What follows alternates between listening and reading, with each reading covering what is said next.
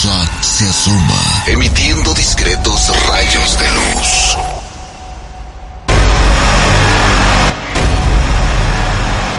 Sigue sus destellos,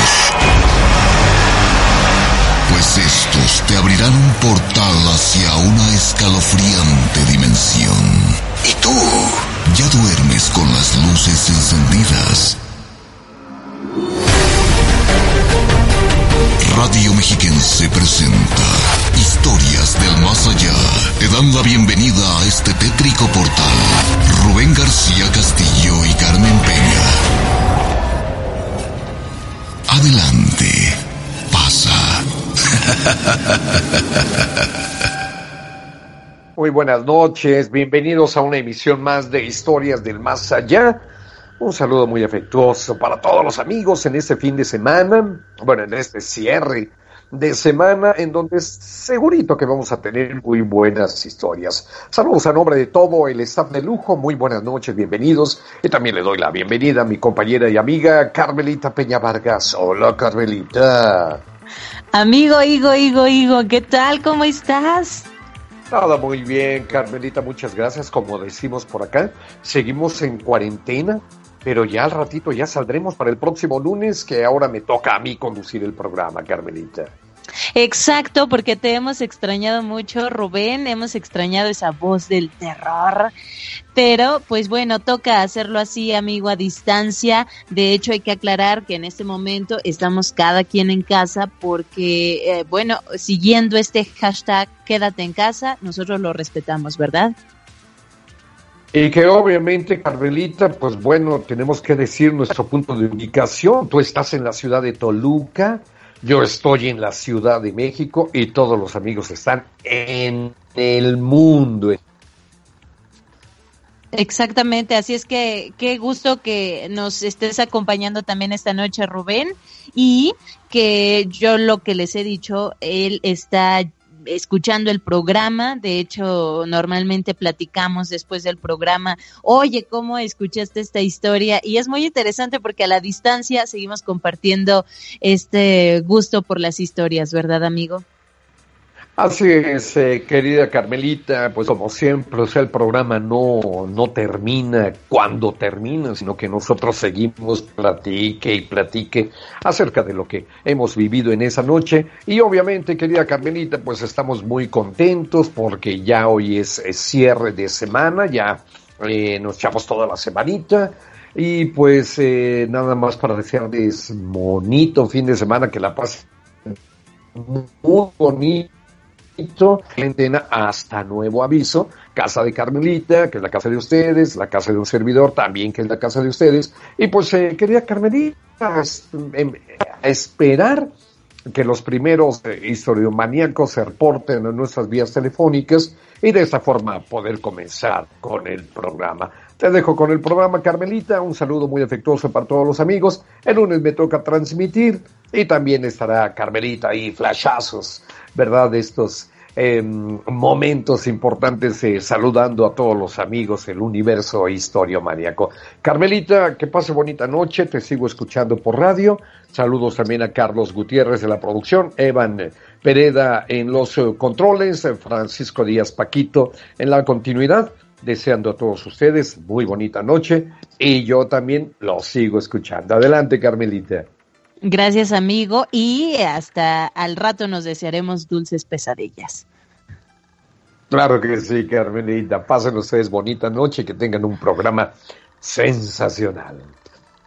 Muchas gracias, Rubén. Ahí estuvo mi compañero y amigo Rubén García Castillo. Como él ya lo comentaba, el día lunes lo escucharán a él en esta transmisión. Así es que por el momento les damos, bueno, ya entre los dos, la más cordial de las bienvenidas. Quiero, antes de iniciar con estos relatos, invitarlos a que por lo menos los locutores eh, de Radio Mexiquense estamos en el día 3 de cuarentena.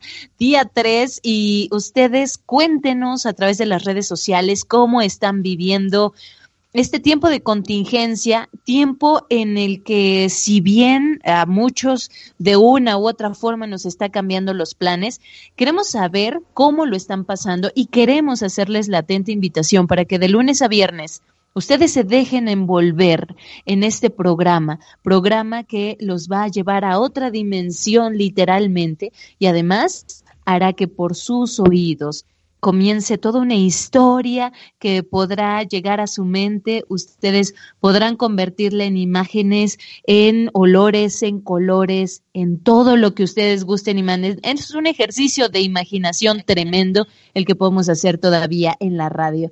Saludo a la Universidad Juárez Autónoma de Tabasco, al Sistema de Radio y Televisión de Hidalgo, al Instituto Estatal de Radio y Televisión de Baja California Sur, también al Sistema Chiapaneco de Radio, Televisión y Cinematografía, a la Corporación Oaxaqueña de Radio y Televisión en Veracruz. Recuerden que nos escuchamos a través de Radio Más. También un abrazo enorme al Instituto Latinoamericano de Comunicación Educativa, ILCE, y a todos los integrantes de la red de radiodifusoras y televisoras educativas y culturales de México, Asociación Civil. También quiero eh, mandar un enorme abrazo a esta red de emisoras de radio mexiquense, seis, eh, cuatro emisoras, dos repetidoras que en este momento nos unimos para llevar el terror hacia todos ustedes. Así es que Quisiera que se comunicaran. Si tienen una historia, háganlo, no lo duden, no lo piensen más. Es viernes y el cuerpo lo sabe. Márquenle 800-593-mil, la así llamada línea del terror. 800-593-mil. Si es que viven en el Valle de Toluca, márquenle 275-5627. 275-5627 y el oscuro y macabro WhatsApp del terror. El número 722 443 1600 722 443 1600 y vámonos a lo que todos estamos esperando. Historias, historias y más historias. La primera de esta noche es de Isabel Santiago, ella es de Nezahualcóyotl y ya está con nosotros en la vía telefónica. Hola Isa, ¿cómo estás? Hola, buenas noches. Bien, bien, gracias a Dios. Qué bueno, Isa, te saludo con mucho gusto, te doy la cordial bienvenida a este programa Historias del Más Allá. Cuéntame dónde estás en estos momentos, ¿ya en casita? Sí, aquí en tu casa, ahora sí que vamos llegando del trabajo hace un ratito y pues ya dimos de cenar y pues aquí andamos. Ah, mira, qué, qué gusto, Isa, que ya estés descansando. ¿Estarás en cuarentena en los próximos días o seguirás en tus labores? No, lamentablemente tenemos que trabajar. Ahora sí que, que más quisiera uno tener para poder quedarse, ¿verdad? Pero pues vamos a seguir las indicaciones y a cuidarnos lo más, más, más que podamos. Claro, es bueno, es bueno saber esto, Isa, porque mm, mucha gente dice, oye, sí, qué padre, ¿no? Todos aquellos que pueden hacer em, de alguna u otra manera cuarentena, home office o trabajo desde casa, pero ¿qué hay de toda esta parte que dicen, bueno, es que si yo no salgo hoy a trabajar, entonces eh, de qué manera me voy a sostener. Esa es una realidad que vivimos en México y es parte de esta realidad que tú vives, Isa. Sí, lamentablemente, pues ahora sí que tenemos un, un negocio propio, somos comerciantes y pues la verdad no nos podemos dar ese lujo de, pues de, de, yo digo lujo en el aspecto de que pues que no tenemos la solvencia económica para pues no salir a trabajar, ¿verdad? Entonces igual y pues lamentablemente tenemos que salir al día a día y pues lo que nos caiga durante el día es muy bueno. Exacto, lo comprendo mi querida Isa y eh, pues solo la invitación está que se me cuiden mucho tú y tu familia en este tiempo, eh, lleven todo lo, todo lo que nos proponen las autoridades para estar bien, ¿no? Sí, sí, sí, de igual, de igual manera ustedes, ¿verdad? Porque todos estamos expuestos Muchas gracias, mi querida Isa. Bueno, vamos adelante. ¿Qué pasó? ¿Cuál es esa historia que nos quieres compartir? Bueno, mira, es una historia, este, pues verídica. Este, yo se las quiero compartir, ¿verdad? Este, pues ahora sí que mira, este, pasa que hace un tiempo, bueno, unos años ya, este, pues la empresa donde nosotros laborábamos, pues se fue a huelga. Okay. Entonces, este, en ese tiempo nosotros estuvimos, pues ahora sí que tener este, pues como te comentaba, ¿no? Sobre salir porque pues la situación en la empresa pues ya era ahora sí que huelga y pues hasta que el patrón nos liquidara pues estuvimos ahí buscándole la manera de pues ahora sí que de sobrevivir implementamos un negocio de comida pues ahora sí de comida casera y vendíamos tacos de guisado en ahí, ahí en Vallejo ahora sí que la empresa estaba ubicada ahí en Norte 45, en donde está el Valle. Entonces, este, pues nos hicimos de varios clientes de ahí, por así de la zona, que nos iban a consumir. Una de esas personas era un señor que pues a diario pasaba y pues nos pasaba pues a saludar y a consumirnos. Ese señor pues se llamaba Felipe. Entonces, este pues era una persona muy pues ahora sí que muy alegre, muy atenta, una persona muy, pues ahora sí bonita en, en toda la extensión de la palabra. Y esta persona, este, pues no era el día que no pasara y dame unos taquitos, dame unos hot dogs, o sea, lo que fuera. Entonces, este, pues nosotros en el tiempo que estuvimos ahí en, pues ahora sí que en la huelga, él nos decía, no se preocupen muchachos, esto va a pasar, ustedes échenle ganas y van a ver. No, pues sí, señor Felipe, muchas gracias. Entonces, este, pues se de cuenta que se levantó la huelga y en el tiempo que estuvimos nosotros ahí en la huelga, este, pues sí nos sucedieron varias, varias cositas, ¿verdad? Que dentro, pues ahora sí, cambios climáticos, lluvias, aires, calores, o sea, todas las inclemencias. ya, este, de la naturaleza. Exactamente. Entonces, este, una ocasión, cuando pues ya iba a ser este diciembre, porque la huelga fue en agosto, y pues iba a llegar este Navidad, el año nuevo. Okay. Y nos quiero así que nos nos tocó ahí en la huelga vivir Navidad y Año Nuevo una experiencia. ¿De hace cuánto, cuánto tiempo me dices, Isa? Este, la huelga fue en el 2004.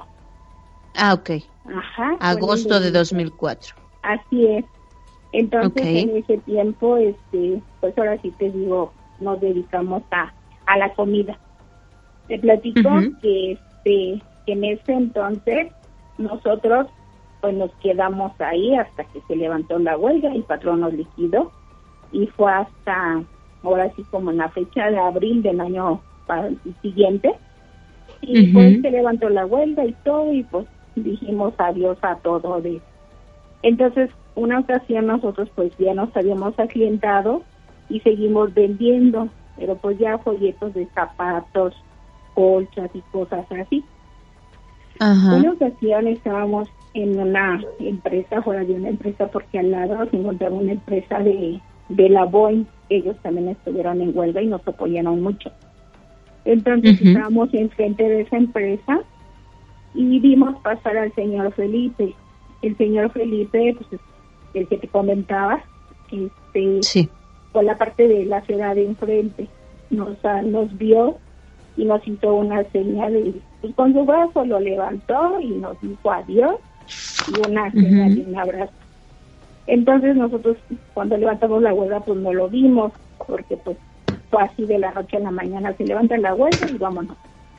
Entonces, entonces el señor Felipe pues así nos hizo un acto de, pues ahora sí que de adiós. Y nos quedamos así, ¿no? Así, señor Felipe, está muy bien, pero pues no nos hablamos, nada más fue así un saludo y un adiós. Y ya pasó, pasaron los días fuimos a la empresa porque te digo que empezamos a vender nosotros productos por catálogo y fuimos allá a la empresa donde el señor Felipe laboraba a ofrecer precisamente.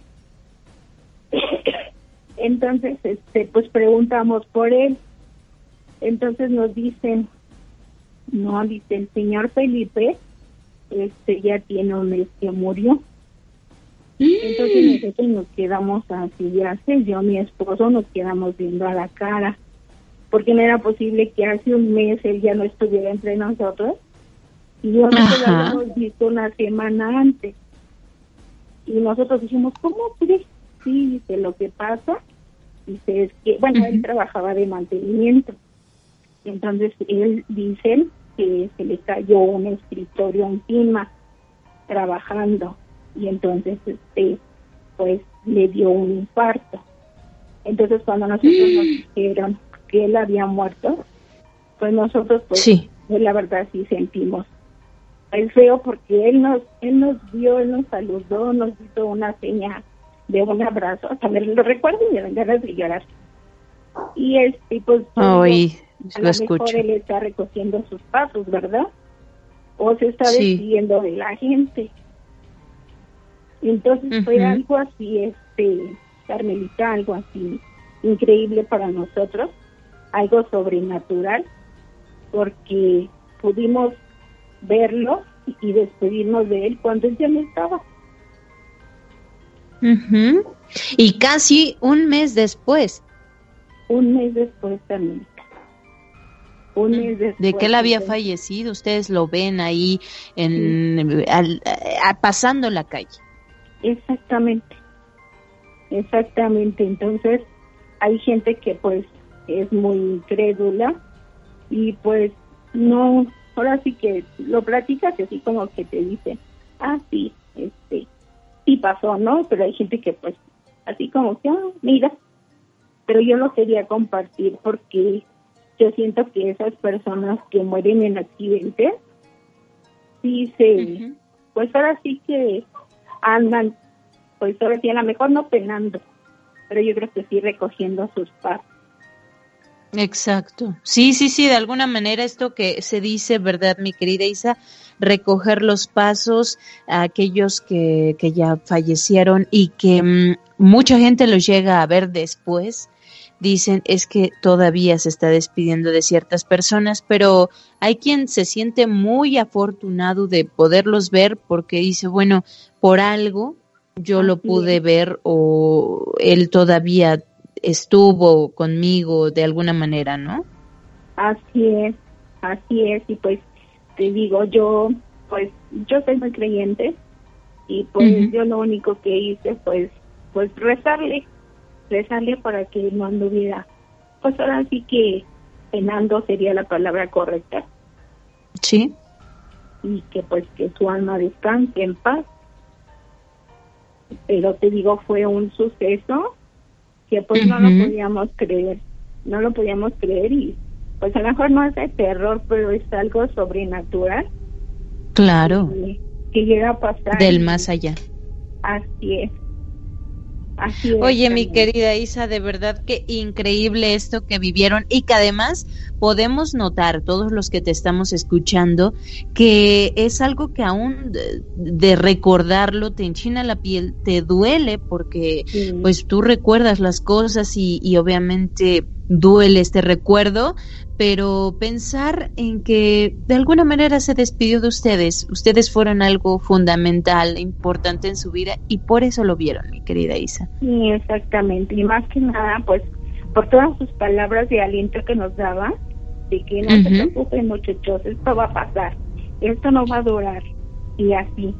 Entonces sí fue algo, pues para nosotros los que estuvimos ahí, sí era una persona muy especial. Claro, me lo imagino. Isa, gracias, de verdad, gracias por habernos compartido tu relato esta noche. Y pues nos pasaron otras cosas tantas en la huelga que pues, si hay oportunidades, pues o no sé si se pueda. Sí, compartir claro. También.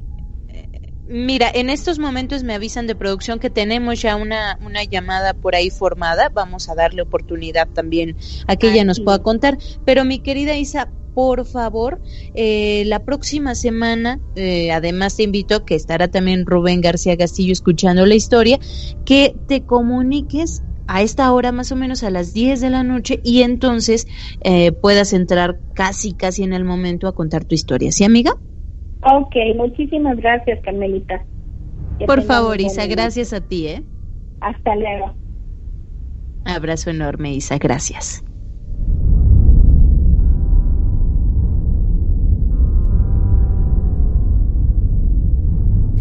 Hola un saludo para Historias del Más Allá. Soy Juan Domínguez, soy obrero de la colonia Doctores. El motivo de mi relato es para contarles que la semana pasada tuve un encuentro en el Panteón San Lorenzo de Sonco, en Avenida Cláhuac. Justamente estaba yo con unos amigos visitando unos familiares y de repente, como eso de las 3 de la tarde, vi pasar tres monjas rezando cerca de las tumbas. Mi curiosidad me llevó a seguir por todas las tumbas y siguiendo esas monjas de repente, pasando las criptas, ya no las vi.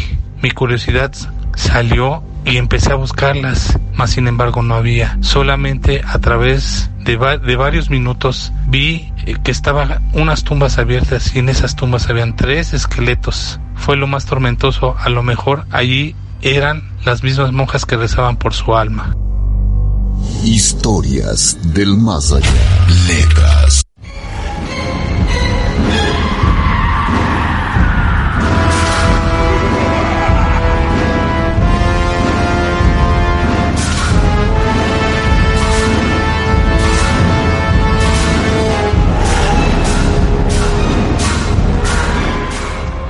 Ahí estuvo esta historia que nos comparten a través de WhatsApp. De verdad, muchas gracias. Qué bonito escucharles, eh, contándolo a ustedes tal cual como fue, como pasó, pero a lo mejor dicen de alguna u, u, otra forma no puede estar en el programa. Bueno, no se me preocupen, esa es una muy buena opción para que ustedes nos acompañen. Bueno, por aquí eh, tengo unos saluditos, Rafa Mix, a través de Facebook Live, donde recuerden que estamos también transmitiendo completamente en vivo. Buenas noches, mi estimado Rubén y mi amiga Carmelita. Un saludo para la familia Palomares Castañeda, allá en Santa María, Solotepec, Xonacatlán, Estado de México. Yo los escucho aquí en Oriental Puebla, 100% historiomaníaco. Muchas gracias, Rafa. Mi estimado Rafa, eh, yo les comento, síganse comunicando con nosotros 800 593 mil 275 56 27 para aquellos que eh, en estos momentos, bueno, aprovechar la cuarentena, hay que verlo por el lado positivo.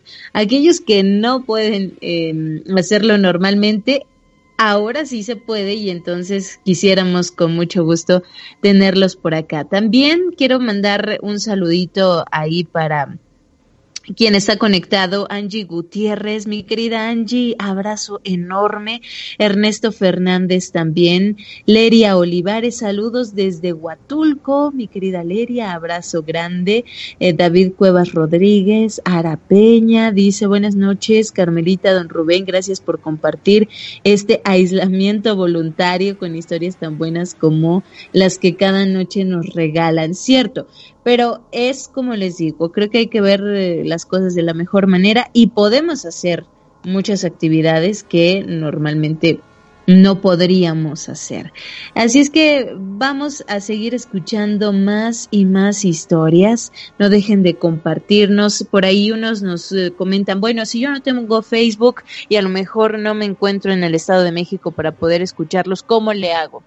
Facilito porque ustedes pueden en su buscador normal eh, escribir Radio Mexiquense y la primera opción será nuestra página oficial www.radiotvmexiquense.mx donde dice radio en vivo.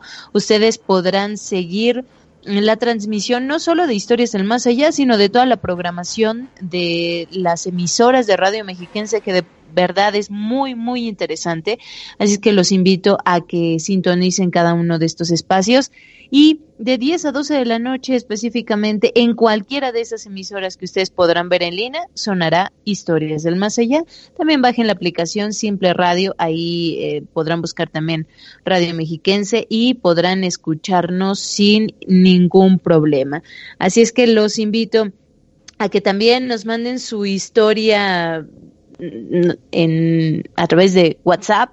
El número es 722-443-1600. Vámonos por lo pronto a un corte. Vamos al corte de estación. No se vayan, no se muevan, porque queremos darles estas recomendaciones. Lo prometido es deuda. Y ayer les comentábamos que queríamos compartir con ustedes una lista de películas y series de terror obviamente todos los que aquí estamos escuchando es porque amamos este género y entonces queremos darles estas opciones para que en esta cuarentena, específicamente este fin de semana, ustedes puedan estar viendo mucho terror desde casita. No se vayan, porque algo podría aparecer.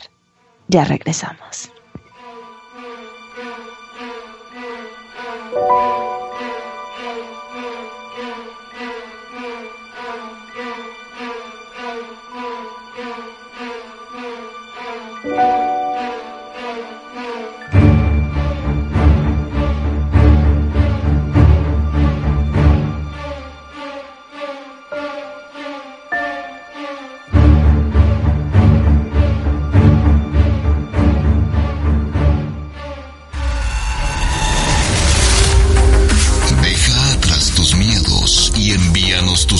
Sus mensajes al WhatsApp del terror. 722-443-1600. No tengas miedo.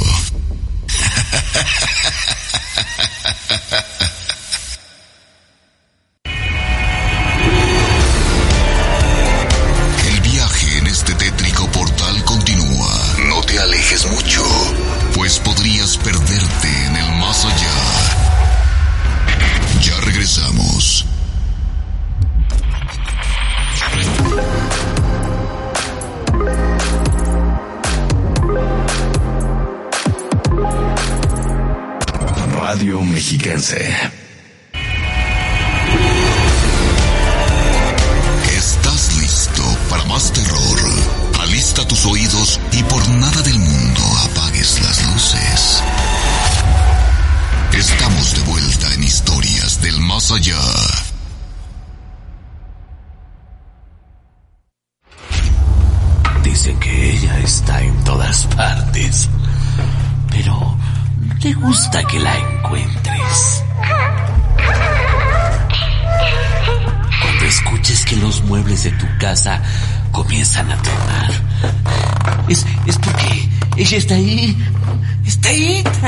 esconderse.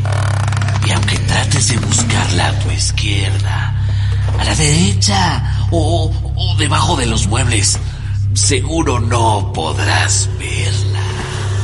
Pero cuidado, nunca, nunca mires hacia arriba, porque porque seguro ahí estará ella. Ahí estará ella. Ah!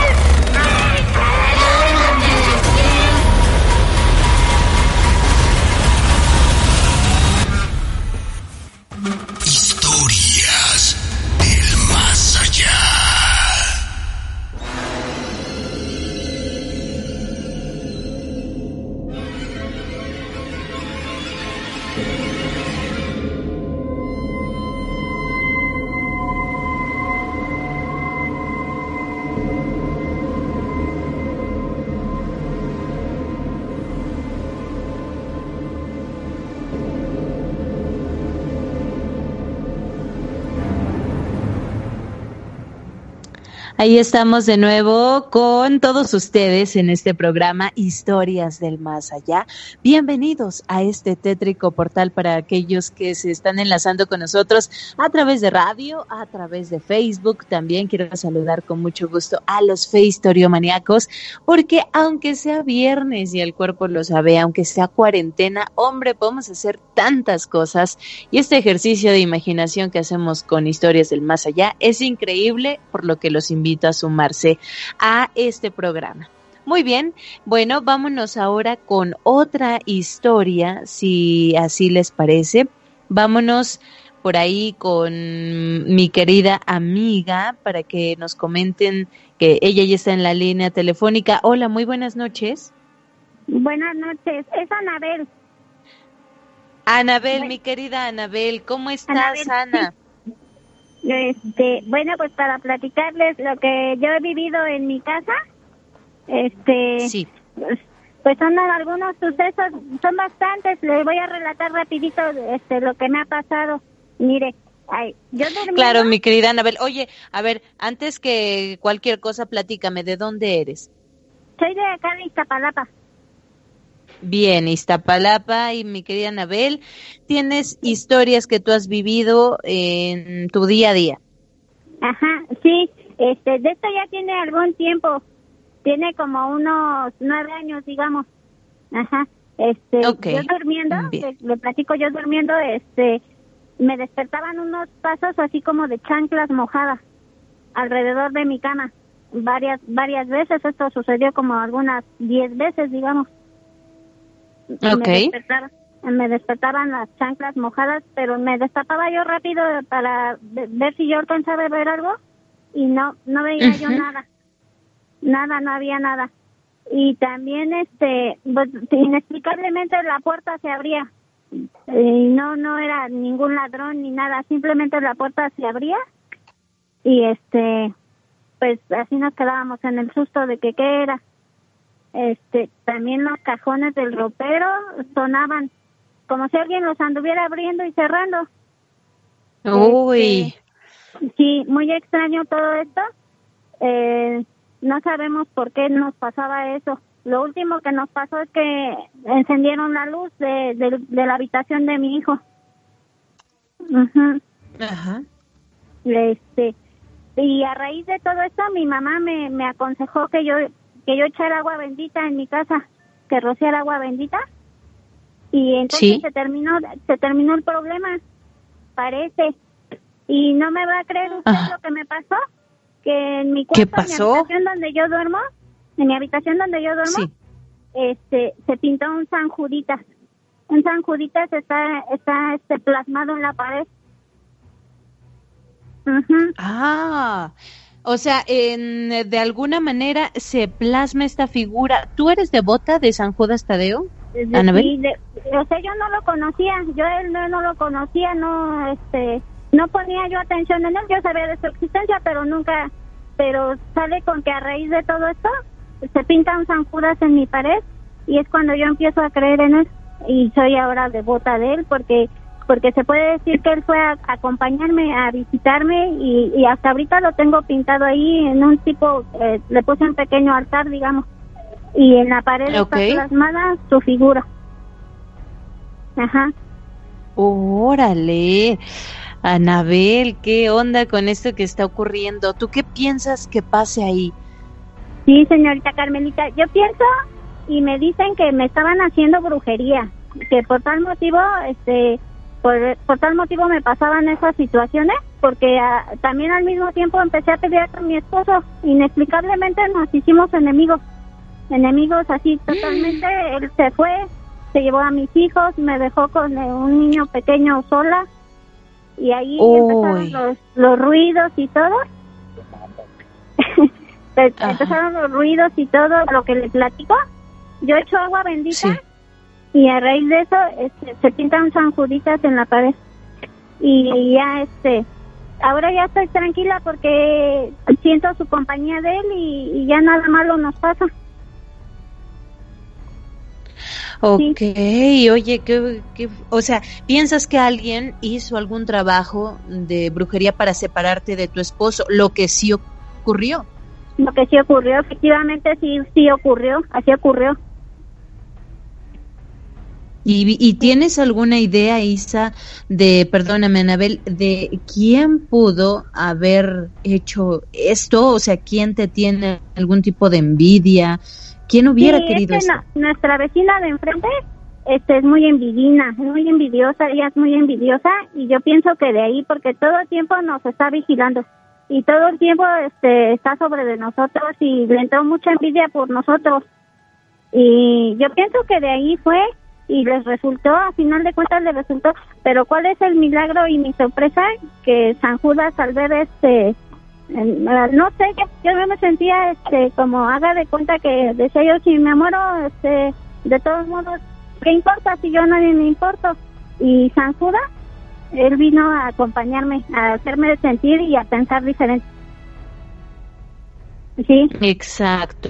Ay, mi querida esto, sí. Esto que le estoy platicando no cree que no es eh, ningún cuento ni ninguna historia. Este, es, son cosas que han pasado desde verdad. Yo las he vivido. Y cuando vi su programa... y yo te creo. Les voy a compartir este los sucesos. Claro, muchísimas gracias por em, eh, para empezar por tener esa confianza de hacerlo. Y además eh, quiero comentarte también eso, mi querida Isa, que eh, Dios mío, Anabel, que al final, mm, perdóname Anabel, que em, tú no estás sola, jamás, jamás lo estarás, mi querida amiga, y que pues si tú tienes confianza en, en cosas positivas, en cosas buenas, tienes fe, eh, ¿verdad? En Dios. Seguramente, amiga, vas a salir de esto que te han hecho mucho daño, lo puedo así entender, pero que dentro de todo has visto muestras divinas que están ahí contigo, que no te van a dejar, así es que ánimo, mi querida Anabel, ¿eh? Ah, muchas gracias, señorita Carmelita, por sus palabras, muchas gracias. Y le platico, no es no es invento lo que me ha pasado porque a mi hijo, el pequeño, Igual le han pasado cosas, dice que le jalaron su, su pie, que le, se le recargaron en su espalda, escucha ruidos detrás de un cuarto que está solo, pero no se ha atrevido a abrir el cuarto.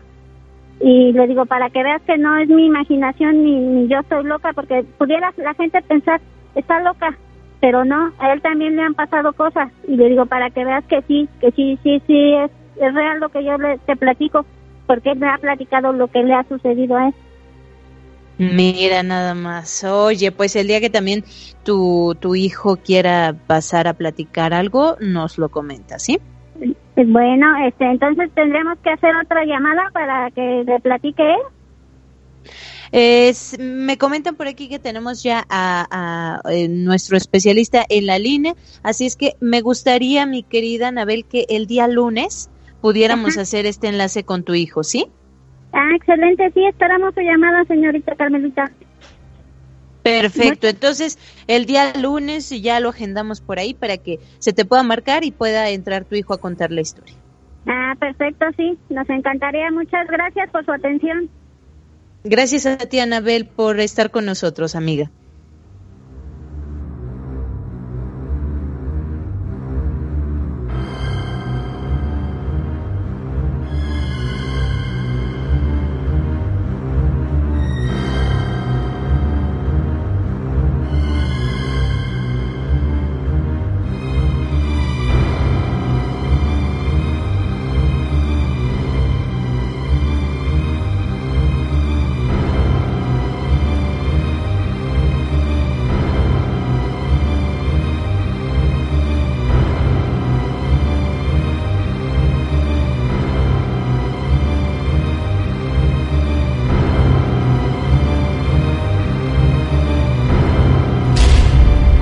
Hola, buenas noches. Mi nombre es Lisette, soy de Acayuca Hidalgo. Eh, quiero compartirles una historia que pasó a, una de mis tías eh, cuando era una niña. Eh, ocurrió cuando aún en mi pueblo no había luz y las calles eran terracería y eran muy pocas las casas que habían aquí. Mi tía me contó que cuando ella era pequeña se juntaba con varios niños y que un día fueron a, a la casa de la abuelita de, de, uno de sus amigos porque le iba a regalar una guajolota a mi abuelita. Entonces todos fueron eh, acompañándose y fueron a la casa de aquella señora. Ellos salieron tarde, ya eran como las nueve y media de la noche, casi diez, pero como les dije, no había pues tanta iluminación y pues todo estaba muy oscuro. Ellos al salir de la casa eh, vieron a un señor que pues venía caminando y ellos decidieron irse pues más o menos cerca de él para no tener miedo, pero cuando ellos iban caminando el señor los arrebasó y se quedaron sorprendidos porque vieron que este señor se subió rápidamente a un árbol, se subió hasta lo más alto del árbol y cuando ellos pasaron al lado de ese árbol observaron que ese señor tenía pata de cabra, una pata de gallo, tenía cola, tenía cuernos, tenía un traje negro con espuelas muy brillantes. Y al ver esto, ellos se asustaron y corrieron hacia la, hacia la casa de mi abuelita, ya que cuando eso pasó estaban muy cerca de la casa de mi abuelita. Mi tía cayó desmayada del susto y ellos pues no se dieron cuenta que pues ella se había caído hasta después que volvieron a regresar por ella. Es algo que realmente pues pasó y pues sí me da miedo porque pues a otro familiar igual le pasó algo similar. Y buenas noches y espero y les guste.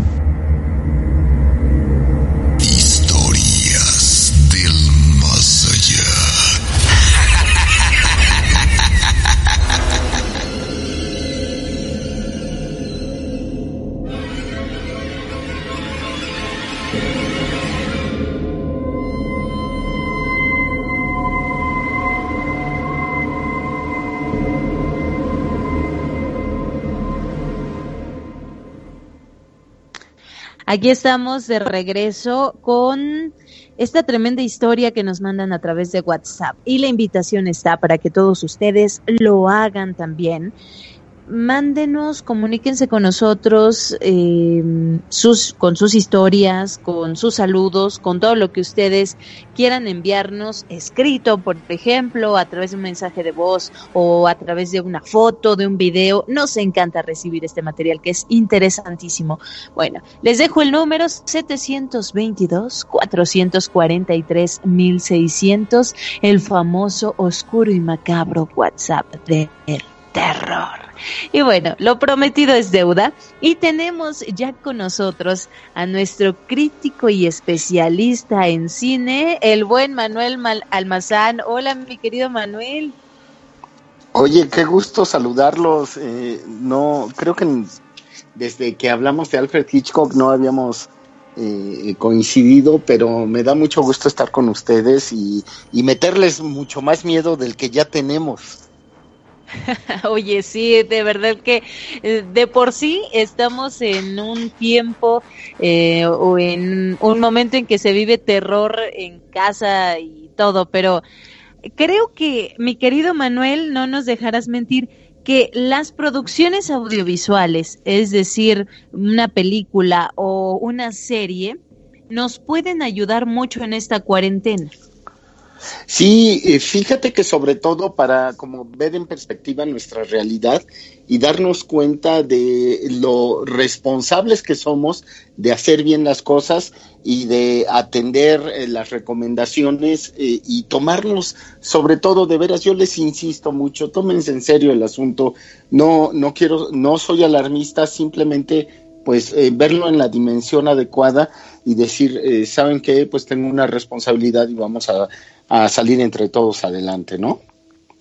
Exacto, tomar cada uno lo que nos toca hacer, ¿verdad? Como sociedad. Eh, y, y si es quedarnos en casa, bueno, hagámoslo, hay tanto por ver, hay tanto por leer, hay tanto por escuchar que no alcanzaría 40 días, 20 días, 5 días, no alcanzan para hacer esto, mi querido Manuelito. Y queremos hablar específicamente recomendaciones de una persona de tu talla que tantas películas ve, pero de terror, de terror, ¿qué podemos ver que tú nos recomiendas, Manuelito? Fíjate que eh, yo eh, he desarrollado allí una teoría mía de, de eh, pensar en, cintas de terror como aquellas que tienen un toque de verosimilitud, a esas eh, que, realmente te, cuestionan y dices, ay, creo, creo que esto sí puede pasar o si esto está muy cercano a la realidad. Y les voy a recomendar mucho una película les voy a recomendar mucho una película que, que salió hace ya muchos años y, bueno, no, no muchos años, pero eh, que eh, en el 2011, que salió hace muchos años para, para la gente, se llama Contagio. Eso más bien es una película de ciencia ficción. Eh, el protagonista es Matt Damon y está por ahí Kate Winslet, también está Gwyneth Paltrow. Y, te voy a contar rápidamente de qué va la película. Todo empieza en el lejano oriente, todo empieza en el lejano oriente con el personaje de, de Gwyneth Paltrow, que es una ejecutiva de un corporativo y eh, eh, está disfrutando eh, el cierre de, una junta de negocios y cuando ella regresa a los Estados Unidos, regresa agripada. Y entonces, pues llega y abraza a su familia y todos son muy felices. Y de repente ella empieza a tener complicaciones de su gripe. Y cuando que, tienen que llevarla mediante una ambulancia al hospital. Y cuando va al hospital va Matt Damon, el personaje de Matt Damon va con ella. Y, llega el doctor eh, a, decirle pues cómo está la mujer y le dice, sabes que desafortunadamente no pudimos hacer nada y ella ha muerto. Eh, y, él se queda, eh, pero a ver, este, bueno, sí está bien, pero ¿puedo hablar con ella? No, te estamos diciendo que murió. Y bueno, allí todo es montaña rusa hacia abajo, hacia abajo porque ella eh, pesca un, virus mortal que eh, se va eh, extendiendo, de una manera incontrolable. Y, ¿Dónde he escuchado eso? Fíjate, fíjate, y, además la película te digo que es de ciencia ficción y además se llama Contagio. Esta cinta está en plataformas, está en esta de las tres letras, que empieza con H y termina con O. Ah, muy eh, bien. Ahí la pueden encontrar y de veras, si quieren ver eh, eh, más bien lo que está sucediendo y sobre todo es una búsqueda como de detectives de la gente que está en los centros de control de enfermedades, cómo se dedican a rastrear precisamente a el paciente número uno, que es el que recibió el primer contacto y que es el que fue diseminando toda la cepa de, del virus.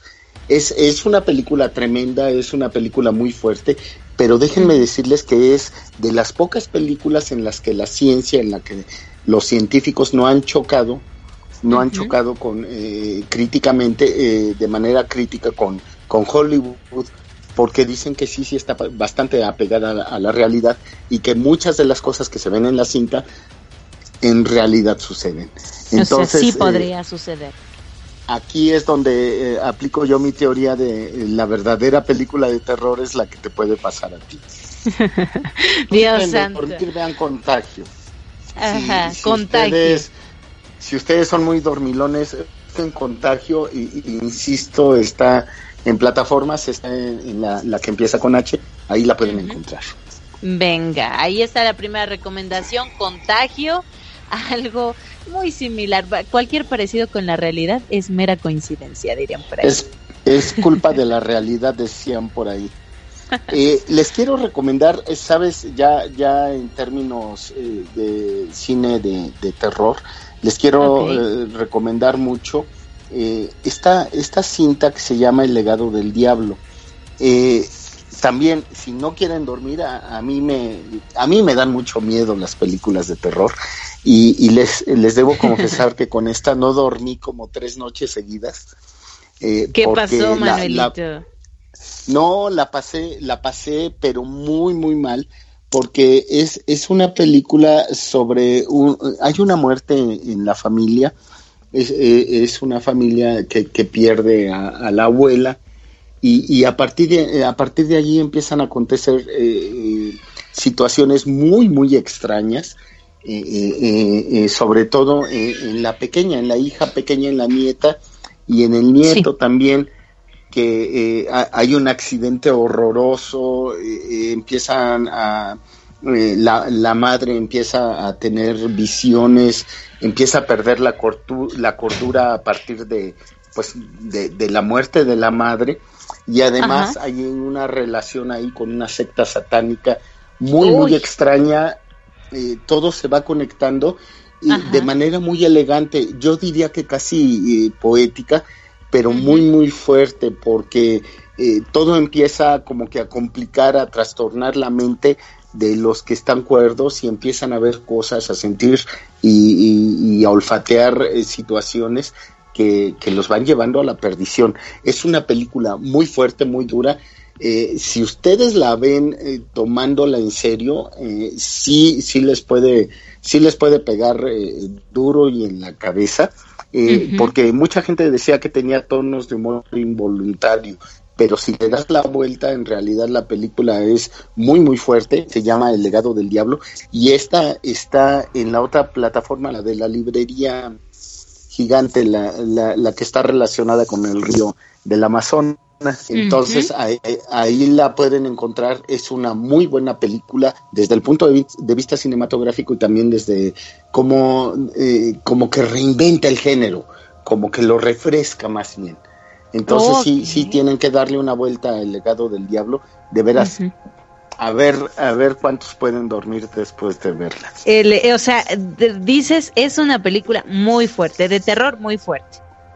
Sí, sí, si ustedes son gustosos así de, los sustos, eh, eh, esta, esta, esta es su película y la van a pasar bastante bien. Sí, definitivamente. Y bueno, eh, me estabas platicando también eh, que, que, había en la, en la, plataforma más grande de, de, películas y de series. Eh, Vamos a decir el nombre, Netflix.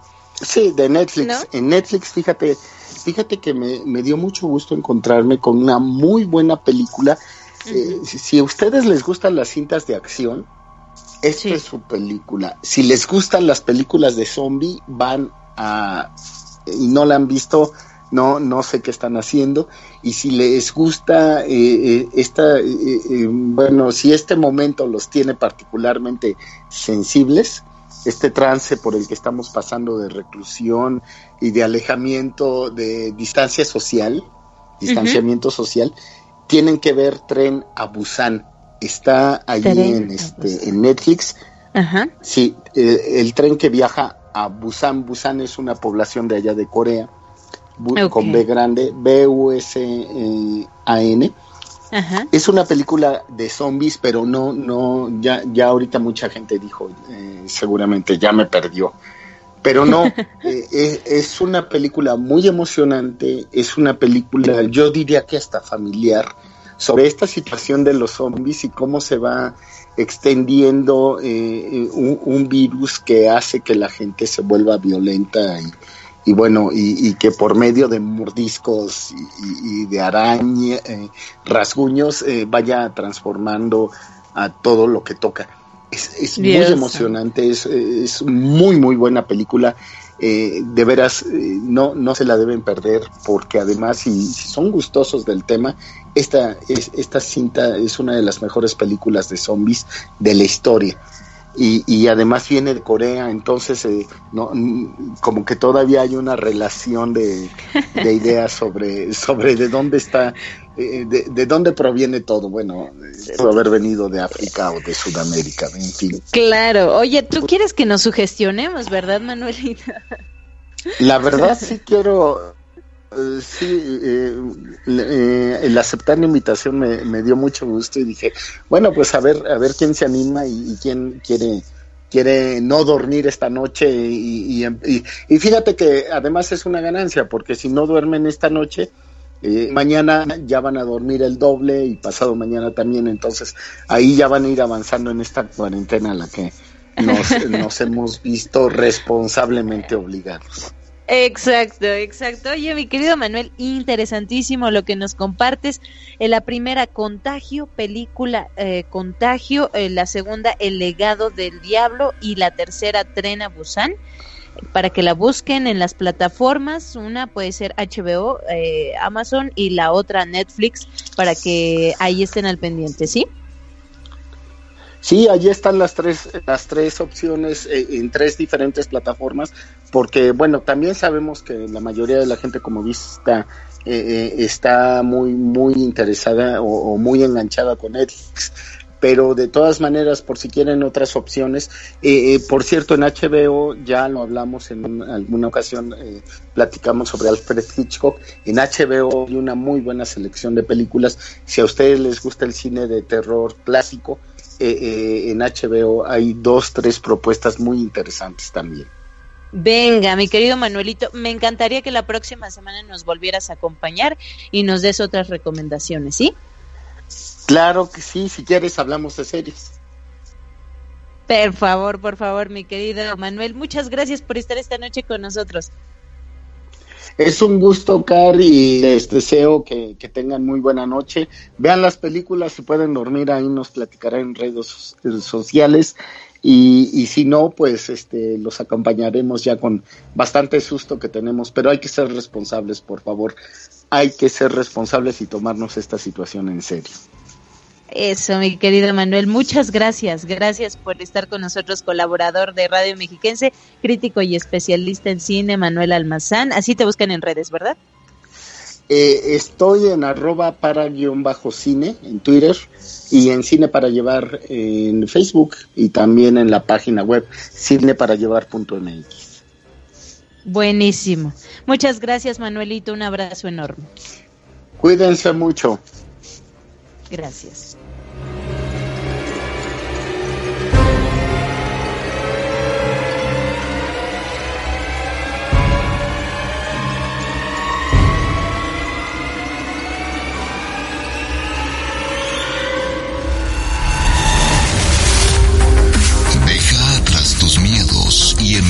Envíanos tus tenebrosos mensajes al WhatsApp del terror 722-443-1600. No tengas miedo.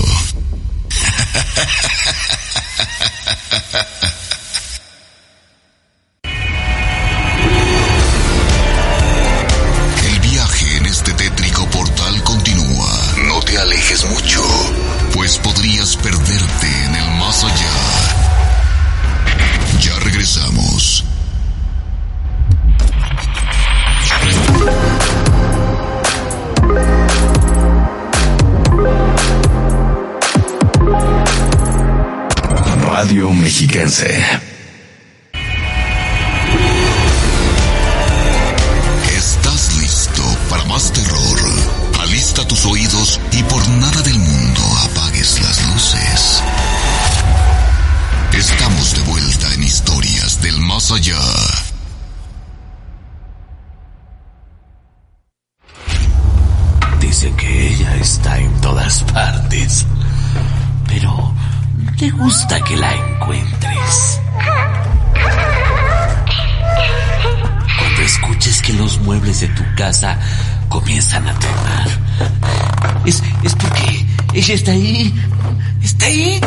de esconderse.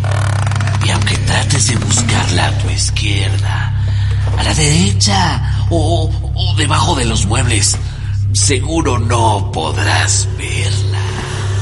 Pero cuidado, nunca, nunca mires hacia arriba, porque, porque seguro ahí estará ella. Ahí estará ella.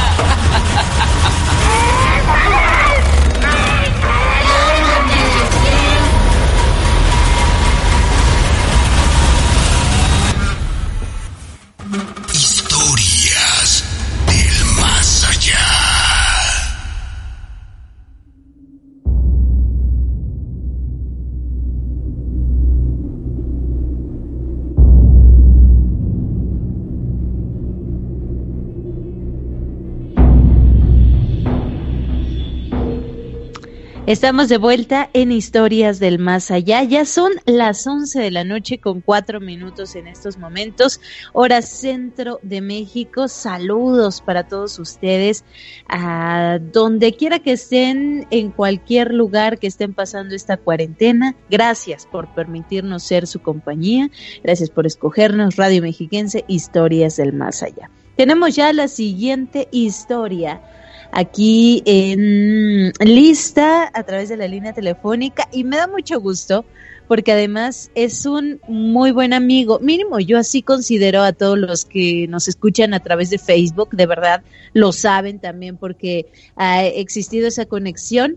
Él es Esponja Bob de Toluca. Hola mi querido Esponja. Hola, buenas noches Carmelita. Esponja, ¿estás ahí? Sí, sí me escuchas. Manifiéstate. Bueno, bueno, ¿sí me escuchas? Bueno, bueno, ¿me escuchas? Esponja Bob. Bueno. Hola. Hola, hola, adelante, Esponja. Ah, ok. ¿Ya me escuchas? Ahí te estoy escuchando muy bien. Ok, déjame saber así, ¿no? Pero... Bueno. Bien, mi querido Esponja, bienvenido, bienvenido a, a, este tétrico portal. Qué gusto que ahora nos estés llamando, además de escucharnos. Bueno, sí, pues muchas gracias. Antes que nada, un saludo a toda la familia Space Maniaca que nos escucha. Aquí un poco preocupado a ver si se escucha completa mi narración porque pues con eso es que se corta mucho la transmisión. Ya, ojalá que, bueno, te refieres a Facebook Live, ¿verdad? Así es. Ojalá que los que estén ahí conectados lo puedan escuchar sin ningún problema. Estamos en radio completamente en vivo, así es que adelante, cuéntanos qué pasó, mi querido Esponja. Bueno, pues esto, tengo varias, varias historias, este, uh -huh. muy, terroríficas. Hoy en esta ocasión les voy a contar una de las más ligeritas, ¿no? Ya después voy a ir subiendo de, de grado de, de terror, ¿no?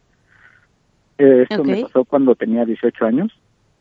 Uh -huh. este, eh, una vez en una ocasión fuimos a una fiesta, pero pues yo vivía en un, bueno, vivo en un pueblo de Huestilucan. Entonces para llegar Sí. a la fiesta, pues a veces ya de regreso ya no había transporte, entonces teníamos que venirnos caminando.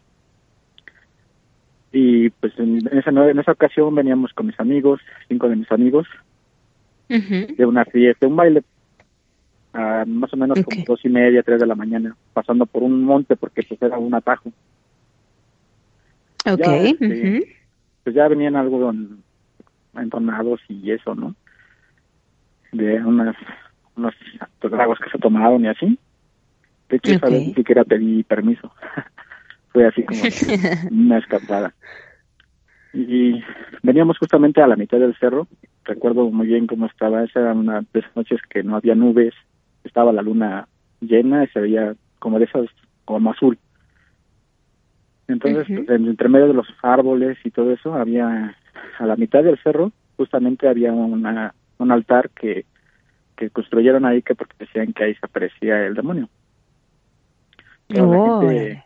toda la gente que este, pues que vivía en el pueblo y que pasaba antes por ahí porque no había transporte, iban a hacer sus compras al- a ese pueblo que era más céntrico, pues pasaba por ahí, entonces siempre había muchos este comentarios de que pues ahí escuchaban muchas cosas, se les aparecían varias, varias cosas así, ¿no? Entonces decidieron a construir una, una tipo capillita, y pues yo me acordé esa vez, iba pasando, y me acordé de que lo que decía la gente, y pues a mí como que se me hizo así fácil de que yo quería ver algo algo de eso de que decían. Entonces empecé a decir oye cómo ves que dicen que aquí se pues, me- desaparece esto y esto y mis amigos decían sí yo también he escuchado y eso y yo empecé a decir cómo cómo no se nos apareciera algo y sí pues a ver que se apareciera el demonio pero así pues entre broma y broma no de hecho bueno yo, yo lo decía en serio porque sí sí quería que me pasara algo tenía la la curiosidad de, de- saber algo, no sé, querer escuchar. Ya, ¿cuántos años tenías tú, Esponja? Diez- 18 años tenía en ese entonces. Claro, en la mera etapa, en la mera edad en que dices, quiero ver al mismísimo diablo. Ah, exacto.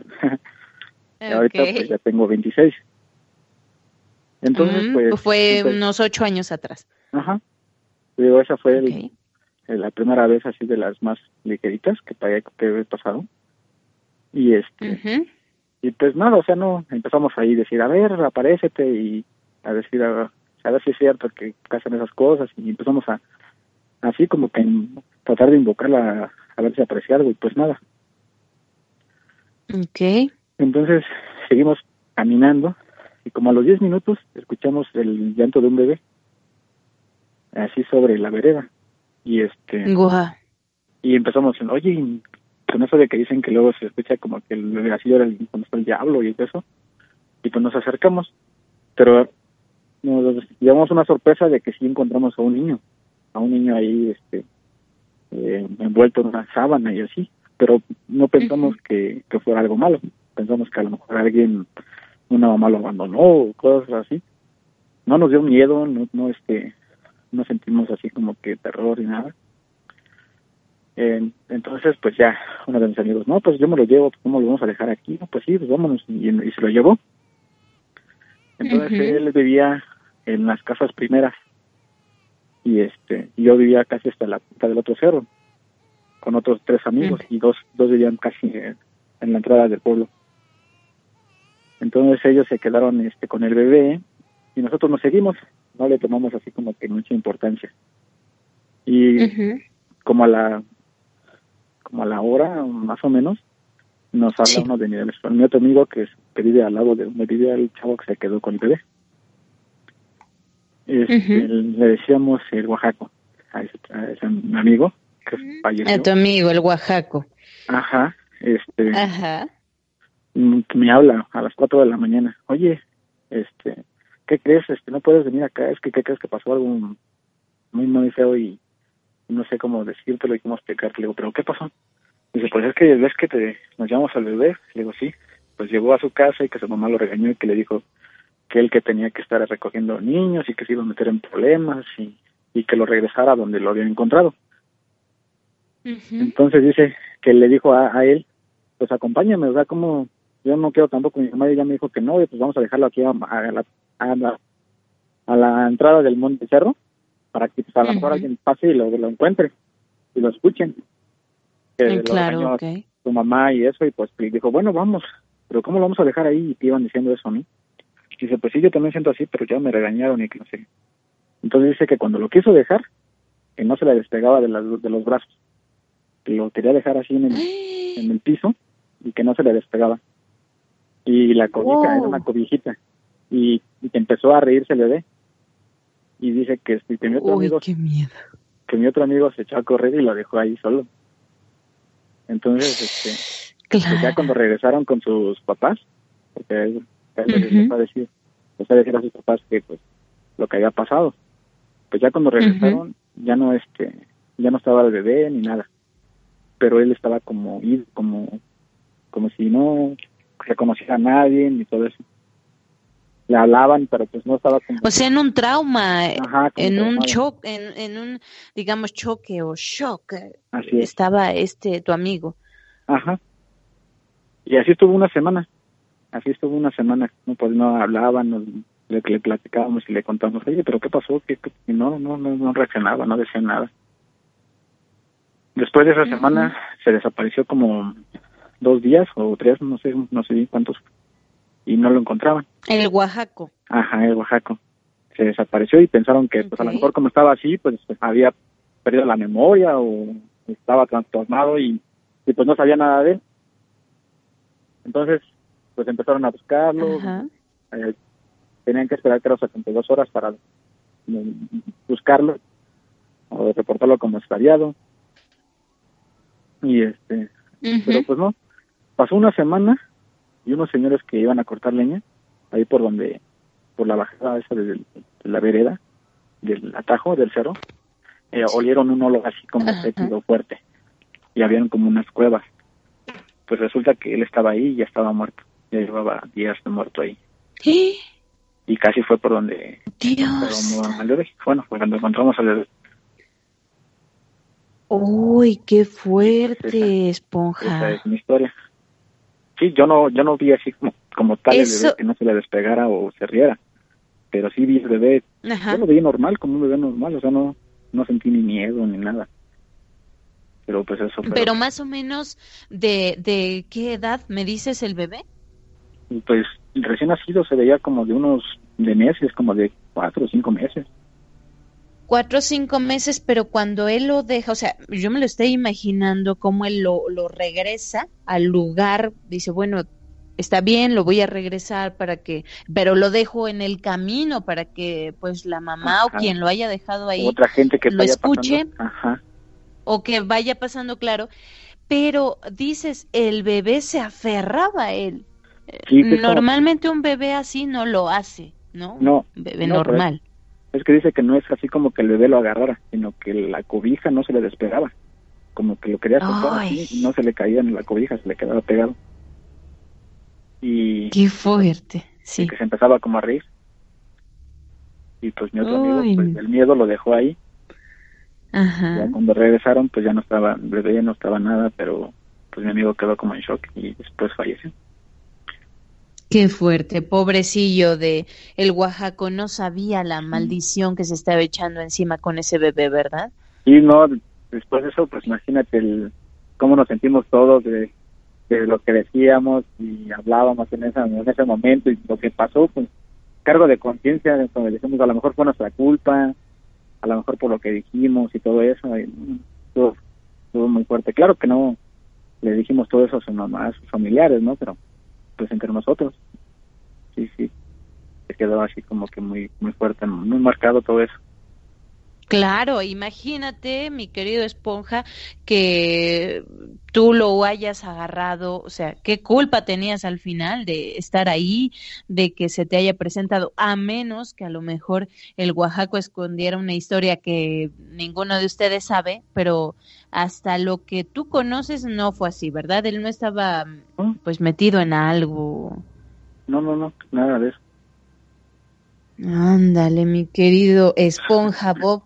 Oye, yo sé que tienes muchas historias, tienes mucho que contarnos y a mí me encantaría que también la próxima semana estuvieras con nosotros, Esponja, que nos contaras más historias em, y, y que sigas ahí al pendiente de la transmisión eh, si es posible en Facebook, si no en línea, ya sabes, ahí no hay ningún problema. Así es que, mi querido Esponja, es un gusto porque yo siempre, siempre he mandado saludos al querido Esponja Bob.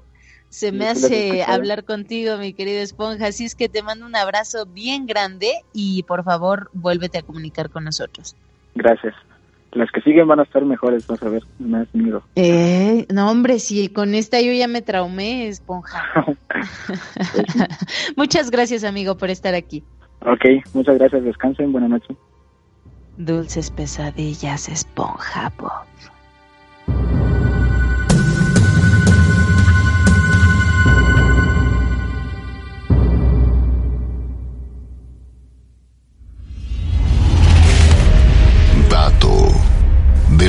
Allá. Huecufe. La palabra huecufe en lengua mapuche se utiliza para referirse a los mentirosos y personas engañosas. Cabe señalar que el concepto del mal no existía para ellos y solo llegó junto con los misioneros católicos. Entonces comenzó a ser utilizado como sinónimo de un demonio o espíritu maligno. Algunas fuentes dicen que el bien o el mal de estos seres depende de quien contacte con ellos en lugar de en su propia naturaleza. Aún así, la mayoría de sus retratos los representan como criaturas malvadas. Pueden tener cuerpos físicos o espirituales y una amplia gama de poderes muchas veces. Los huecufes aparecen en las formas de animales o fenómenos naturales. Muchas veces sirven como herramientas para los cálculos hechiceros de las tribus mapuches. Los huecufe pueden ser utilizados para esclavizar a las almas de los recién fallecidos, para causar enfermedad y para matar a personas en general.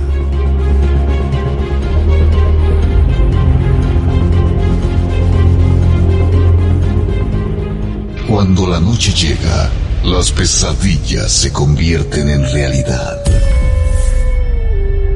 Historias del más allá.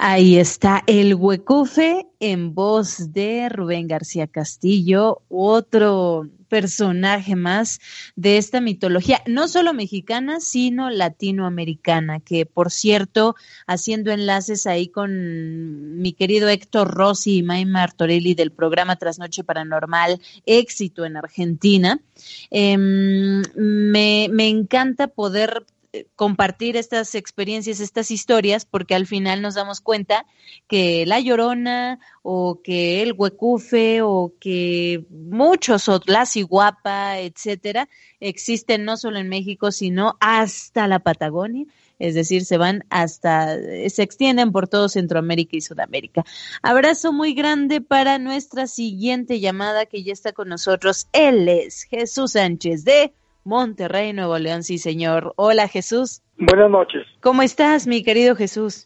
Muy bien, gracias a Dios. Qué bueno, me da muchísimo gusto, amigo. Bienvenido al programa Historias del Más Allá. Ah, no, es un placer. Gracias. Cuéntanos algo, mi querido Jesús. ¿Cómo es que tú nos escuchas? Eh, bueno, pues veo seguido y cada vez que puedo el programa. ¿En Mexiquense Televisión? Así es. Muchas gracias. Entonces, ahora, no solo eres parte de los fieles fe historiomaníacos, historiomaníacos, sino vas a ser parte del programa. Jesús, adelante, ¿qué fue lo que te ocurrió a ti, amigo? Bueno, yo ahorita vivo en García Nuevo León, municipio de Monterrey. Ok. Pero yo anteriormente nací en el estado, es un municipio, municipio de San Pedro de las Colonias, Coahuila. Ok. Y luego me fui a Estados Unidos, siete años, a Denver, Colorado. Wow. Regreso y me enfermé bastante y por recomendación médica, ya en mi municipio, que es un ejido, un rancho, se le llama así, en el área de Coahuila, en los municipios De, de, del pueblo. Entonces regreso yo a, a Coahuila y por recomendación médica, como me enfermé, como ya tenía muchos años en Estados Unidos, regreso a México y por recomendación médica me recomendaron trabajar. Yo no estaba trabajando en Coahuila cuando llegué de Denver porque todavía tenía, tenía una absolvencia económica bien. Allá en Estados Unidos. Sí, y regreso a México, a Coahuila. Y pues mi situación estaba bien y pues no trabajaba, pero me enfermé bastante porque me cayó mal el clima porque ya estaba acostumbrado allá. Ah, ok, ok. Entonces, por recomendación médica fui a trabajar. Entonces, como yo soy de un municipio, de un ranchito, que pertenece al pueblo de San Pedro de las Colonias Coahuila, agarré un turno de trabajo, conseguí en un restaurancito que se llama El Molino, El Molino Rojo.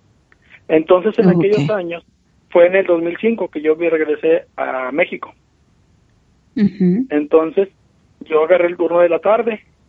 En esos ranchos ya no hay ruta a las seis de la tarde, es la última ruta que nos traslada al pueblo.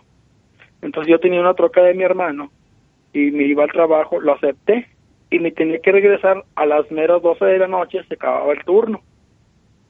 Entonces yo cruzaba un tramo, bueno, una vía, no sé, no sé cómo se puede decir, una carretera, que es la que viene a Monterrey, Nuevo León. Entonces, para llegar a mi rancho tenía que cruzar otro tramo a mi ranchito, que era un traslado de dos minutos, tres minutos. Yo miré, cuando ya agarro la ruta hacia mi rancho, lo se ve las luces. Y cuando yo agarro ese tramito, veo un mucho humo, como que se estuviera quemando el rancho. Es algo que yo viví, no es algo que, que como yo veo en el programa que a veces dicen que a un primo, un amigo, al tío, al abuelo, no. Esto yo lo viví. No, no. Esto es en primera persona, Jesús. Sí, sí, yo lo viví. Entonces, yo no soy, respeto a las religiones, no soy católico, soy de otra religión. Bueno, mi mamá, yo no, pero soy más... No entro en detalles, este, porque soy respetuoso. Porque soy respetuoso. Entonces, pues yo me imaginé lo peor, le doy más recio a la troca para llegar rápido a la casa. Porque pues obviamente me asusté. Entonces me acerco a la casa. El, el, trámite del pueblo hacia la casa, que es su casa de ustedes. Gracias. En el rancho.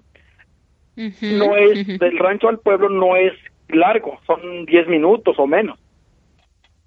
Entonces yo hago dos cortes. El que va a la carretera Monterrey del pueblo hacia la casa y del corto, de la que es misma carretera Monterrey, corto en tres minutos, corto hacia mi rancho en dos minutos. Entonces yo me veo esa- ese humo, ese quemazón, son luces y neblina, humo. Entonces llego a la casa, llego al rancho, antes de llegar al rancho, cada vez veo más claro la quemazón, Uy. la lumbre. Y eso se acercaba directamente a la casa, que es su casa. Ujú. Gracias. O sea, tú en ese momento pensabas, mi casa se está incendiando. Exactamente. Ok.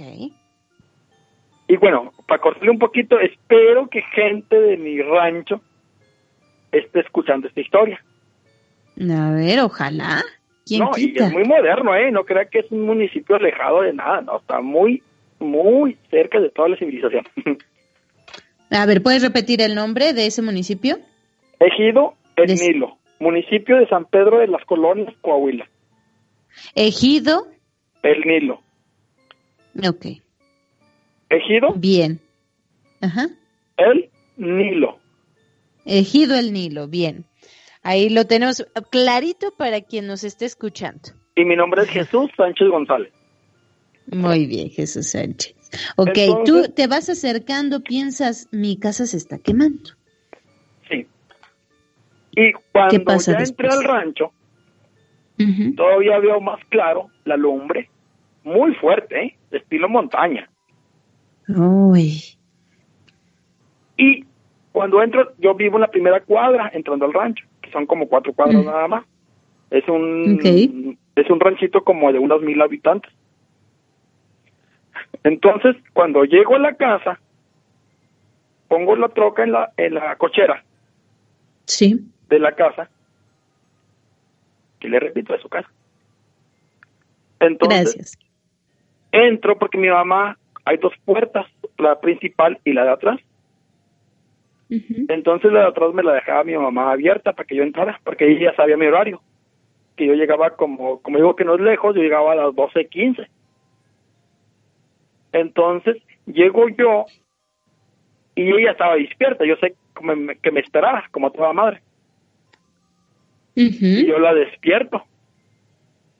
No estaba mi papá porque mi papá ya había muerto, por eso yo ya había fallecido, por eso yo me vine de Estados Unidos.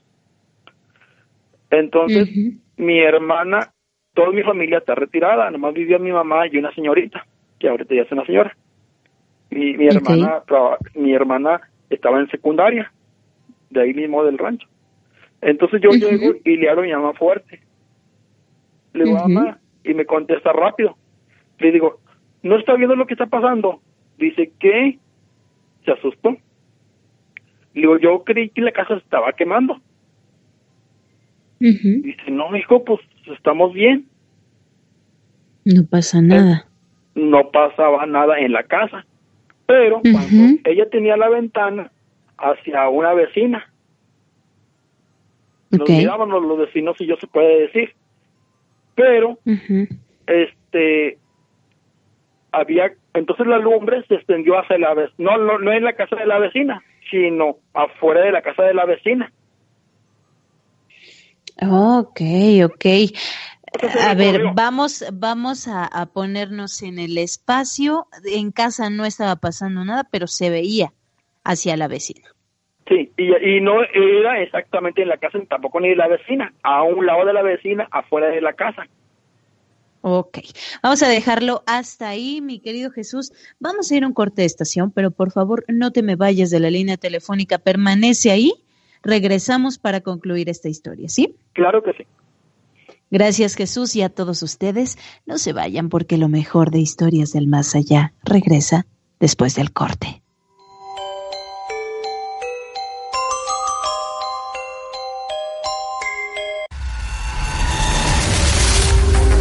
Deja atrás tus miedos y envíanos tus tenebrosos mensajes al WhatsApp del terror.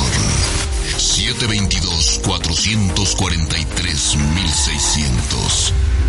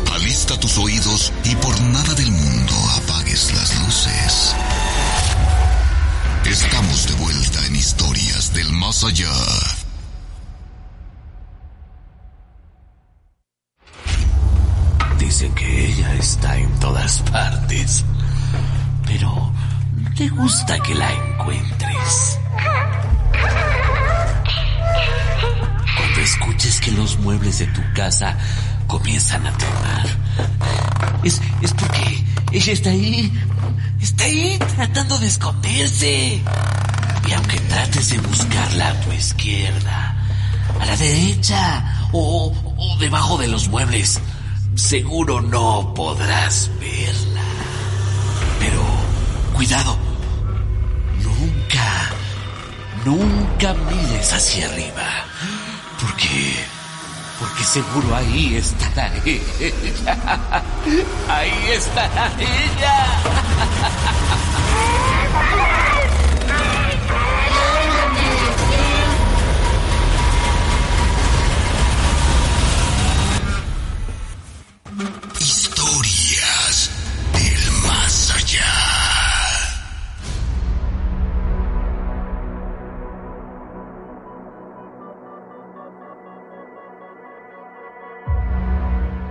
Estamos de vuelta, última media hora de su programa Historias del Más Allá. Gracias por permanecer con nosotros en esta tenebrosa y oscura, macabra noche de viernes, ya a punto de terminarse.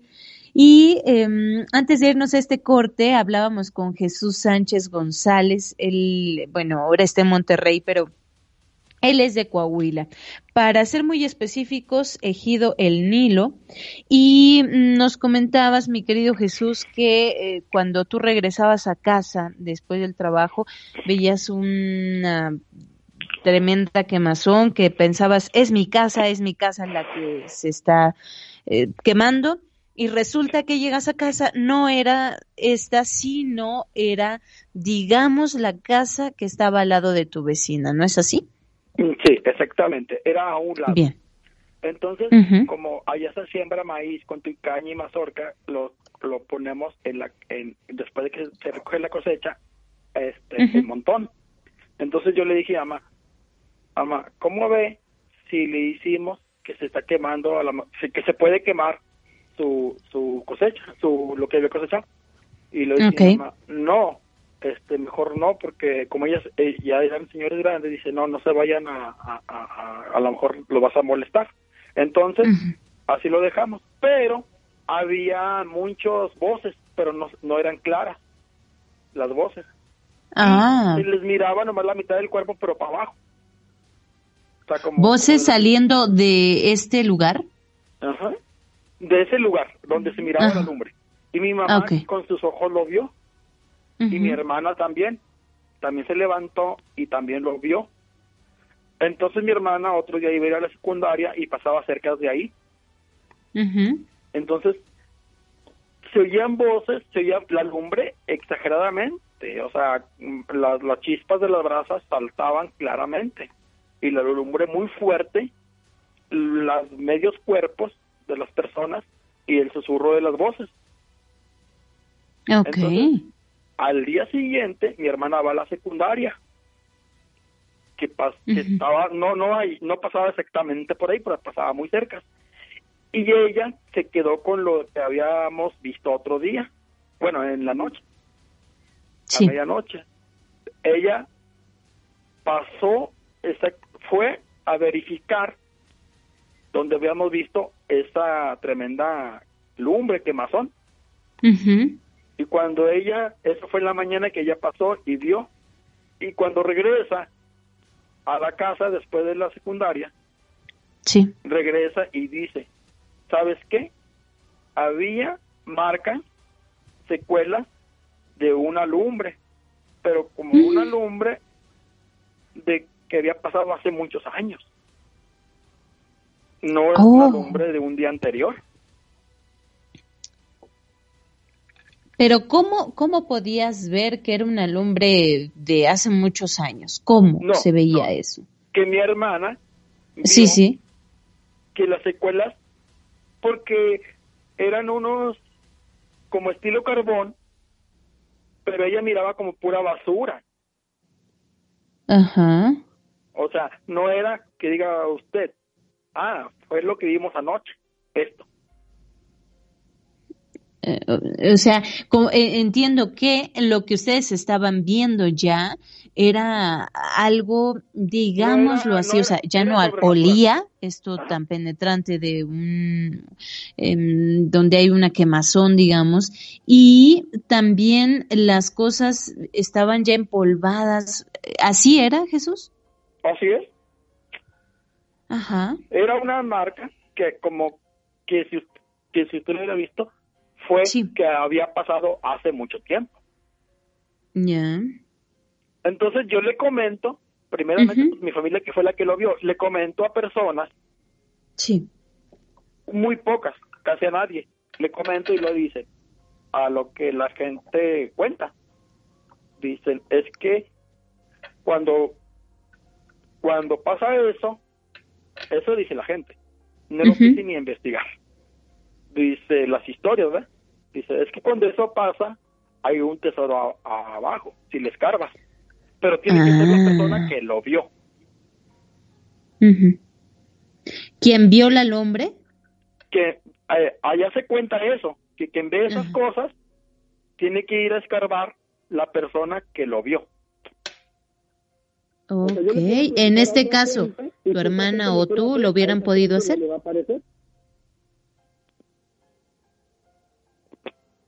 Bueno.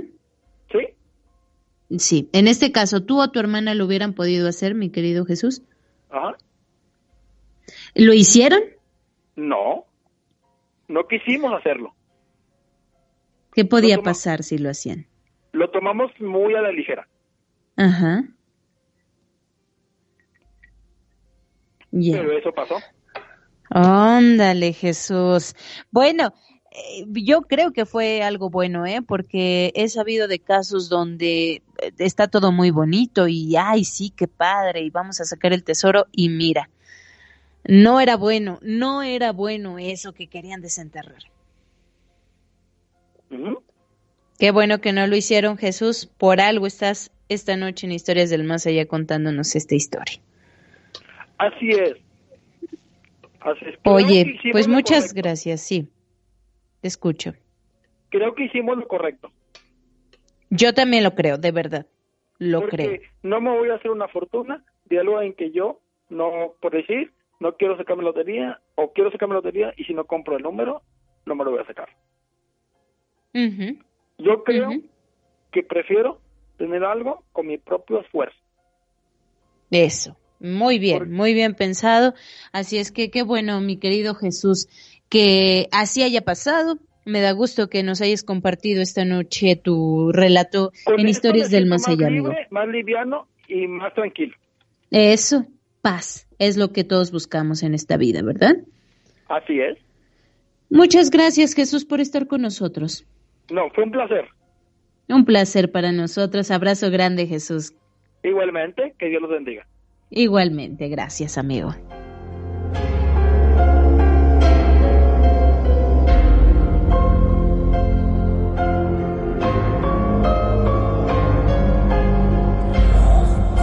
La frase del día en historias del más allá. Quisiera que mi última memoria fuese la de aquel amanecer en la playa y descubrir que todo este tiempo no ha sido más que una larga pesadilla. Las luces de septiembre. Carlos Ruiz Zafón. Cuando la noche llega, las pesadillas se convierten en realidad. Historias del más allá.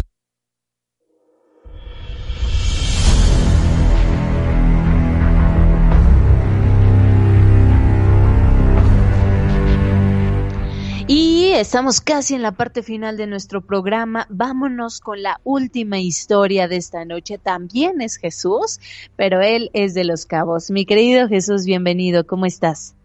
Buenas noches, Carmelita. La felicito por su muy excelente programa. Muchas gracias, mi querido Jesús. Oye, gracias por escucharnos, ¿eh? De nada, de nada. Un abrazo bien grande y aparte, qué gusto que esta noche se nos haya hecho que estés aquí, Jesús. Gracias, gracias. Adelante, cuéntanos, ¿qué fue lo que te pasó, amigo? Mire, Carmelita, esta historia es un poquillo larguilla, espero hacerla lo más corto posible. Venga, venga, tenemos más o menos unos ocho minutitos para contarla.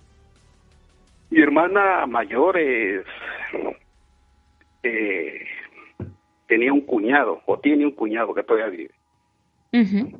Cuando yo era un muchacho de unos 12 años, este cuñado, ya siendo un hombre grande, me platicó de que cuando él era niño, en su parcela de ellos, entraron a una cueva. Esa cueva eh, no es visitada casi por, por casi por la gente, está casi aislada. Su papá, junto con unos amigos y él entraron, cuando iban armados con esas lámparas, ¿cómo se llama? Lámparas de minero, de alto poder. Como unos 500 metros adentro de la cueva, me dice este hombre que se hace una laguna, una laguna llena de lama y el agua se ve así como chocolata. Ya, sí. Entonces dice que cuando se iban a esa agua, esa laguna les obstruyó el paso. Al otro lado de la laguna, Carmelita dice, él me él platicaba, dice que ya ve que las cuevas tienen muchas hendiduras a los lados. En una de esas hendiduras no se veía el fondo. Había como una entrada y de ahí salía un resplandor en el fondo de la cueva. Wow. Entonces él dice que empezaron a oír un ruido, pero un ruido no de ningún animal de aquí de la tierra, ni, ni de un ser humano, nada, así algo que hacía así, pero no era ser humano. Pero cada vez se hacía tan intenso que a 15 minutos estaban hablándose entre ellos y no se escuchaban. Se hizo tan intenso, dicen que se tuvieron que ir porque ya los oídos les empezaba a, a timbrar. Wow. Entonces dice que los señores, este, entre ellos su papá, se regresaron, pero a este hombre se le atoró el zapato en el fango y se empezó a quedar atrás y ellos, como estaba el ruido muy fuerte adentro, eh, su papá creyó que iba atrás de él, iba, él, iba atrás de ellos y, no, él se quedó atrás y no se pudo zafar el zapato. Dice que o sea, el, digamos como si fuera un pantano, el, el zapato se estaba hundiendo cuando usted va entre el lodo y se le hunden los zapatos y si no los lleva bien amarrados, ahí se le queda. Esa tierra de por aquí es así como tipo chiclosa cuando llueve. Sí, sí, sí, ok. Bueno, lo que me dejó impactado a mí de su relato es que dice que cuando él volteó así de reojo a ver del otro lado de la laguna, vio a un ser, que no era hombre ni mujer, pero sí tenía dos pies, este, y ya ve que cuando está alumbrado la, con una lámpara a los ojos de un gato a lo lejos se ve cómo le brillan. Sí. Así le brillaba ese ser. Uy. Ese ser estaba devorando el feto de un bebé. Dios. tanto su impacto que salió corriendo. Ajá. Salió corriendo y se olvidó del zapato. Ahí lo dijo. Bueno, yo la verdad, señorita Carmelita, yo no le creí, porque soy muy escéptico en cuanto a esas cosas. Mm, sí, sí. Lo curioso es que pasaron los años, yo llegué a tener ya mis 20 años y regre vine, vine a vivir a la Ciudad de México y después me regresé y conocí a un señor de unos 82 años y que me va platicando la misma historia. Wow. Me dice, yo vivo en una cabaña porque lo conocí en otra ciudad. Este señor es, eh, eh, era religioso. Entonces, este, lo fui a visitar y se ve a visitarme. Y ya fui a visitarlo a la, allá a su cabañita, es son como dos horas de la camino de terracería hacia adentro, usted es puras vereditas, no, para entrar a su casa es puro, puras vereditas, así caminitos chiquitos, ahí, allá, allá la maleza es muy tupida. Bueno, estando, perdón. Sí, sí, te escucho, Jesús. Ya estando ahí me dice, ya nos vamos a salir de aquí, este González, este Jesús dice. ¿Y eso por qué? Pues aquí no se puede hacer nada, de hecho aquí está la cueva cerca, dice, ya me empieza a platicar la historia. Dice, hace muchos años yo entré a esa cueva junto con el, ya me dice el nombre de, del papá de mi cuñado. Y ahí en esa cueva dice, iba un chamaco tirando piedras, él me la cuenta igual nomás con unos detalles adicionales. Dice, iba un chamaco como de unos, eh, como de unos 10 eh, años, y es la edad que tenía aquel hombre el que me, platicó, primero, el hermano de mi, el hermano de mi cuñado. Ah, sí. Sí, ese chamaco dice iba tirando piedras a la laguna y le dijeron que cuando tiraba la piedra, no sé si sabe, este Carmelita tira la piedra dentro de una cueva, se oye el eco, ¿no? ¡Bum! sí, sí. pues dice que ese pum que hace cuando cae la piedra, él dejó de tirar y seguía, se seguía oyendo. Dice que cuando, cuando él dejó de tirar piedras, se multiplicó ese boom y se, se, oyó como cuando, cuando tocan tambores. Y entonces se oyó otra vez el ruido, el mismo ruido que me platicó aquel hombre cuando yo era niño. El cuñado de tu hermano. Sí, se tuvieron que salir. Nomás que el detalle que él me dice ahora es que cuando salieron, dice el chamaco se quedó atrás, quién sabe qué vio, que regresó todo pálido, dice. No le creímos. Entonces dice que se quedaron a la orilla de la cueva y este dice que cuando estaban descansando, porque eran 500 metros hasta, del, hasta donde llegaron, y cuando llegaron a la entrada, sí, cansados que estaban, algunos se quedaron dormidos. Dice él que él no se quedó dormido, que empezó a ir como unos pasos como cuando oyes unos pasos que chacotean en el agua, que van avanzando. Ya, mi querido Jesús, un minutito para terminar la historia. Que venían unos pasos de, de adentro para afuera. Y le digo, oiga, ¿y es cierto ese todo eso? No, si quieres, aquí está la cueva 15 minutos. Ándale. Voy, voy a ir, le digo. Bueno, para no hacerse larga, dice, yo, no, yo ya no veo bien y que te lleve mi hijo, dice. Tengo un hijo como de 37 años. Este me llevó, ah, pero antes le arrancó una pluma a un guajolote que andaba ahí. Se la llevó, se la echó a la bolsa y para que le arranques la pluma al guajolote. No, ahorita vas a ver lo que, lo que pasa. Entonces nos fuimos con las lámparas, entramos y ahora sí, con yo no vi nada ni oí nada, Carnita, quiero aclarar eso. Ok. Pero sí vi la entrada a esa cueva, aunque no vi el resplandor, vi la laguna, vi unos escalones, pero no se podía pasar, lógico. Ok. Mi querido eh, Jesús, estamos a punto de terminar el programa. Quiero proponerte algo. Eh, yo siento que a esta historia todavía le falta, o sea, todo lo que tú viviste ahí. A mí, si tú me lo permites, podríamos empezar el día lunes con tu relato para que nada más eh, lo, lo puedas terminar. Como usted guste, Carmelita, como usted diga. Por favor, porque está muy buena la historia. No quisiera cortarla y decir ya está ahí. No, no, no. Vámonos para el día lunes, ¿sí? José manda, madre, Carmelita. Mi querido Jesús, eh, es un compromiso, te marcamos para que termines esta historia. Así es.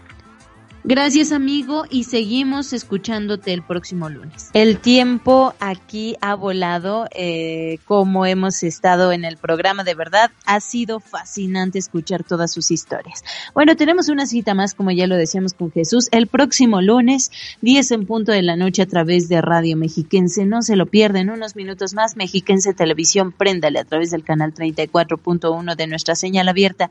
Gracias a todo el equipo que estuvo ahí, Panchito, Eva, Pereda y mm, Carlos Gutiérrez, todos ustedes, gracias, George de redes sociales. Abrazo grande y, por favor, esta noche tenga usted dulces, pero muy dulces, pesadillas.